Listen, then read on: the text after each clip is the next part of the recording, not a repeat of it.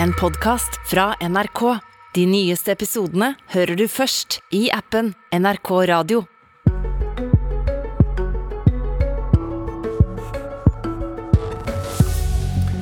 Millioner av mennesker er på flukt i Europa. I Finland og Sverige øker oppslutningen om Nato-medlemskap. Tyskland har snudd 180 grader i sin forsvarspolitikk og ruster opp. Norge fryser samarbeid med Russland i nord. Europa ser plutselig ganske annerledes ut enn for bare kort tid siden. Hvordan kommer det til å sette sitt preg på norsk utenrikspolitikk?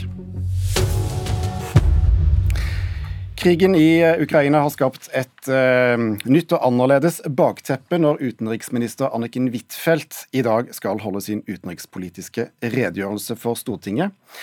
Før hun skal dit, har hun kommet hit. Velkommen. Tusen takk. Hvordan vil du beskrive den sikkerhetspolitiske situasjonen i Europa nå? Som helt annerledes enn for et år tilbake. Det er en invasjonskrig på Europas eh, kontinent. Den arkitekturen i sikkerhetspolitikken som vi ofte kaller det, som har tjent oss vel i 30 eh, år, den er under press. Og da er det naturlig for meg å bruke mesteparten av min redegjørelse i dag til å beskrive dette, og hvordan vi skal håndtere det fra norsk side. Ja, Hva er det viktigste du vil si? Det er viktig å bygge opp en troverdig avskrekking, slik at ikke dette hender oss. Og det har jo norsk sikkerhetspolitikk hele tiden bygget på. Samtidig så skal vi bidra til lavspenning og hindre misforståelse og samarbeide tettere med andre land. Det er store sikkerhetspolitiske endringer i Sverige, i Finland, i Tyskland, noen av de landene vi samarbeider aller tettest med. Og det har de gjort i eh, tverrpolitisk samarbeid, og det er det naturlig at vi også gjør i Norge. Det skal være et stort Nato-toppmøte i juni, og jeg vil invitere Stortinget til samarbeid om det som skal være det norske sikkerhetspolitiske svaret på denne krigen. Du nevnte lavspenning, men kan lavspenning også grense til naivitet? Ja, det kan det. Og Derfor så må jo norsk sikkerhetspolitikk hele tiden ta hensyn til at vi skal ha en troverdig avskrekking. Men vi har jo bidratt til gjennom mer enn 70 år at vi ikke har utenlandske baser, militære baser på norsk jord. Vi tar jo ikke allierte styrker nær den russiske grensa, og det er også det som er grunnleggende i den store militærøvelsen som vi nå har. Krigen har avslørt en russisk president, utenriksminister, FN-ambassadør og flere andre ambassadører som åpenbart lyver. Eh, hvordan kan Norge forholde seg til et sånt Russland fremover? Ja, Det er jo det som er svært krevende. Det var jo lange forhandlinger i forkant av utbruddet av denne krigen. og Så viste det seg at de eh, gikk til en invasjonskrig.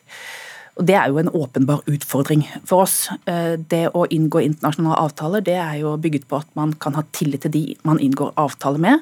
Og Når den tilliten ikke er til stede, så er det et langt mer krevende sikkerhetspolitisk landskap vi skal forholde oss til.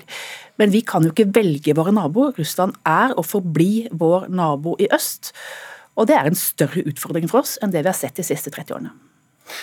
Hva med det sikkerhetspolitiske samarbeidet med våre gode naboer Finland og Sverige? Vil eh, det være god norsk utenrikspolitikk å forsøke å få dem med i Nato?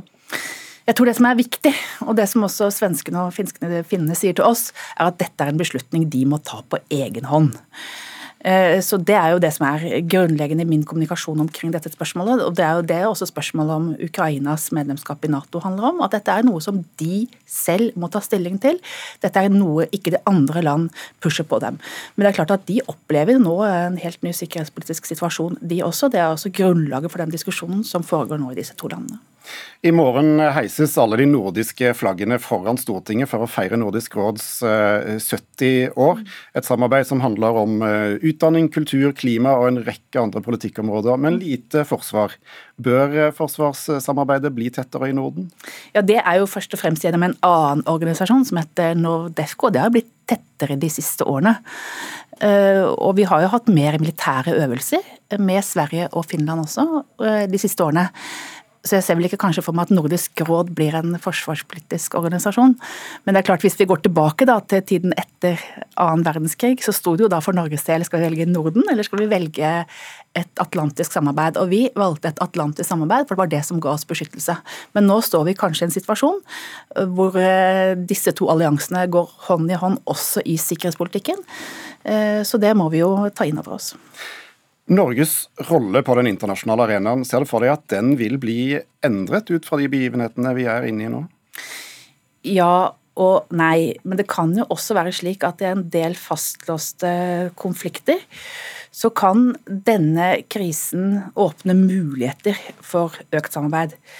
Vi så det i FNs sikkerhetsråd når det gjaldt Afghanistan. Da fikk vi enstemmighet om en resolusjon der.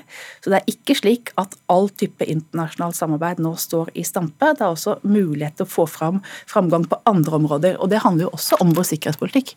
For hvis Afghanistan igjen, igjen blir et oppmarsjområde for internasjonal terror, så tjener det ikke oss. Men det er klart at uh, det at det er nå er krig i Europa, det er jo det som nå beslaglegger veldig mye av vår tid, og det bør det også gjøre. Og vil også være utgangspunktet for det som er min redegjørelse nå i dag. Og den vil bli litt lenger enn den skulle ha vært pga. Eh, det som skjer i Ukraina? Ja, jeg har nok kutta gjennomgang av andre typer konflikter i verden. Jeg gjennomgår noen av disse, men hovedvekten vil selvfølgelig være på krigen i Ukraina. Tusen takk skal du ha, utenriksminister Anniken Huitfeldt. Eh, din timeplan er tett, og du må videre. Men eh, vi skal vende oss til tidligere utenriksminister eh, Ine Eriksen Søreide, som er leder av Stortingets utenriks- og forsvarskomité. Hvordan tror du dagens redegjørelse vil skille seg fra de du selv har holdt for Stortinget? Jeg forventer jo, som utenriksministeren sa, at eh, det kommer til å dreie seg mye om Ukraina og konsekvensene av den russiske invasjonen. Samtidig er jo alltid en eh, regjerings og en utenriksministers jobb å forsøke å titte litt framover, se hva de mulige konsekvensene av det bildet vi ser er.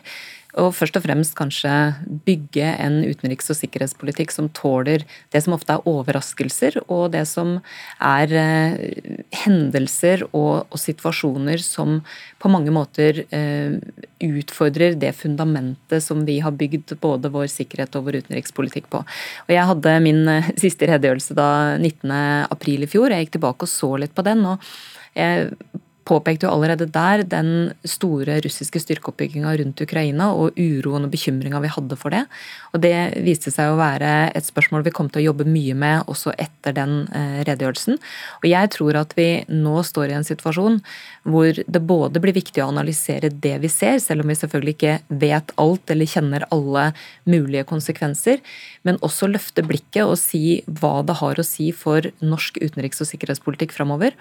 Det at vi også nå står i det som kan beskrives nesten som en perfekt storm, hvor vi i tillegg til en krig i Europa har en matvarekrise som kan føre til at det blir sosial uro i Midtøsten.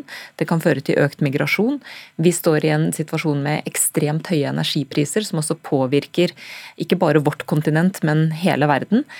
Og dette skjer samtidig som vi da har en fullskala invasjonskrig som både skaper store migrasjonsstrømmer på vårt kontinent, men som selvfølgelig også vil prege sikkerhets- og forsvarspolitikken i årtier eh, fra nå. Og Ingenting av dette er det selvfølgelig noen quick fix på, men har du likevel noen klare forventninger til, eh, til grep fra utenriksministeren? Altså, jeg mener jo helt uh, grunnleggende sett at dette må utfordre Norge på, på noen områder. Jeg skal bare nevne tre her. Det ene er at vi må forsterke samarbeidet vårt med nære allierte, som vi jo har gjort i mange år. Men tida er nå inne for å forsterke det ytterligere, både med vår nærmeste allierte USA, med europeiske allierte og ikke minst med våre nordiske naboer. Eh, som eh, du helt riktig påpekte, så går den debatten veldig raskt i, i Sverige og Finland nå. Og både oss Åsmund Aukrust og jeg var i, eh, i Helsingfors og Stockholm i forrige uke og så dette på nært hold. Det andre jeg mener utfordrer Norge, er at samarbeidet i EU og Europa kommer til å bli tettere, og det skyter fart. Hvis Norge ikke henger med på den utviklinga og har en vurdering av hvordan vi best kan være med for å påvirke og ikke minst ivareta norske interesser, så mener jeg vi både går glipp av en historisk mulighet, men vi går også glipp av muligheten til å påvirke norske interesser på best mulig måte. Og Det tredje er eh, det internasjonale perspektivet i det multilaterale samarbeidet. Det er noe Norge har investert stort i over lang tid, og det mener jeg nå blir viktigere enn noensinne at vi fortsetter å følge opp. Du har så vidt allerede introdusert eh, Åsmund Aukrust, første nestleder i utenriks- og forsvarskomiteen på Stortinget for eh, Arbeiderpartiet. Hvilke utfordringer er det viktig å gripe tak i først nå? Den største utfordringa skjer jo i Ukraina hvor det nå foregår en ulovlig angrepskrig, eh, og det er enorme lidelser på bakken. Eh, millioner av mennesker er på flukt internt i Ukraina. Eh, veldig mange har mista livet. Men så er det jo sånn at denne fører jo med seg veldig mange andre kriser. Det er flyktningkrise. Millioner av flyktninger har kommet seg ut av Ukraina, først og fremst til nabolandene, men mange kommer til å komme til også til nordover og lenger vestover. Eh, vi har, kan få matvarekrise, eh, energikrise. Så det er klart, bildet er eh, egentlig veldig dystert. Men det som jo er, veldig, det som er positivt oppi alt, da, det er jo å se at verden, og Europa spesielt, har jo klart å møte dette sammen. På tvers av landegrenser og på tvers av politiske skiljer så har man nå klart å stå sammen. Og Det var ingen selvfølge at det skulle bli sånn. Det kunne også ført til mer polarisering, det bildet vi nå ser. Og det er klart, De mest krevende dagene de ligger foran oss. Så Det som jeg tenker bare blir veldig viktig, er at vi fortsetter det veldig gode samarbeidet vi har i og for seg mellom partiene i Norge, eh, men også da mellom våre eh, naboland og eh, med hele Vesten. For dette må vi møte sammen. Og Naboland er stikkordet. Hvilken rolle bør Norge ta for å sikre et tettere forsvarssamarbeid i, i Norden? Det tok vi egentlig allerede i forrige regjeringsperiode. Det undertegna flere samarbeidsavtaler, bl.a. mellom Norge, Sverige og Finland på, på, forsvar. Og vi har jo også to allierte i Nato i Norden, Danmark og, og Island. og dette er viktig. Finland og Sverige. Ja, det gjør de. Og så er det, det er klart, det er helt åpenbart Sverige og Finland sjøl som må ta beslutninga på om de vil inn i Nato eller ikke.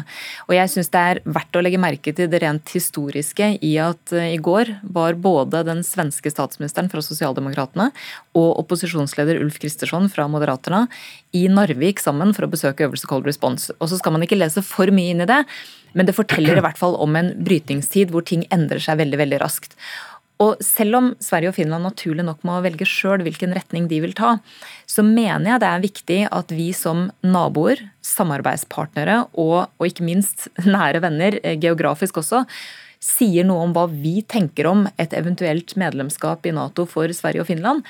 Vi sa, jeg sa i hvert fall mange ganger under vårt besøk eh, der, at jeg mener det vil styrke både nordisk og europeisk sikkerhet. Det vil styrke Nato.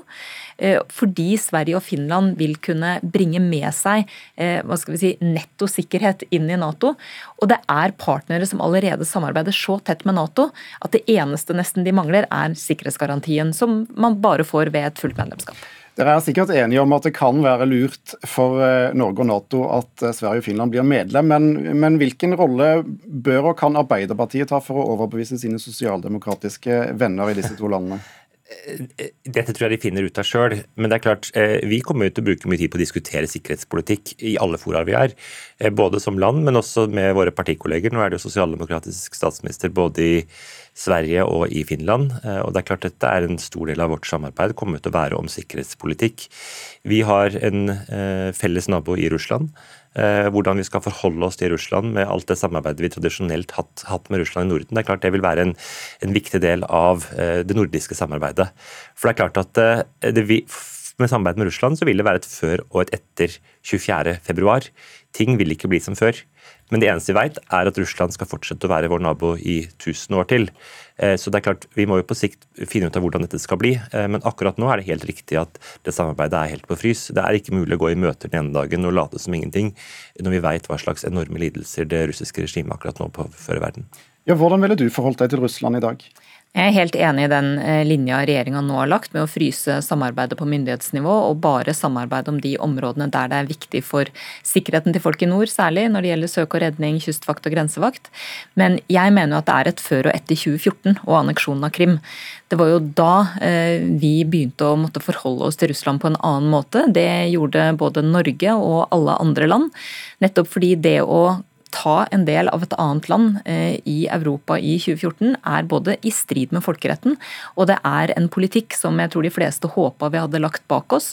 Og konsekvensen av den anneksjonen har jo vært over 14 000 drepte, over 3 millioner mennesker på et veldig lite geografisk område i Øst-Ukraina som trenger nødhjelp, og altså krigføring i åtte år. Eh, og jeg mener veldig bestemt at den linja vi la oss på den gangen, med fortsatt politisk kontakt, samarbeid om det vi kunne kunne samarbeide om, men samtidig en tydelig folkerettslig markering, var helt riktig. Og Da må vi si takk til eh, Ine Eriksen Søreide og Åsmund Aukrust. Politisk kvarter var ved Thomas Alvarstein Ove.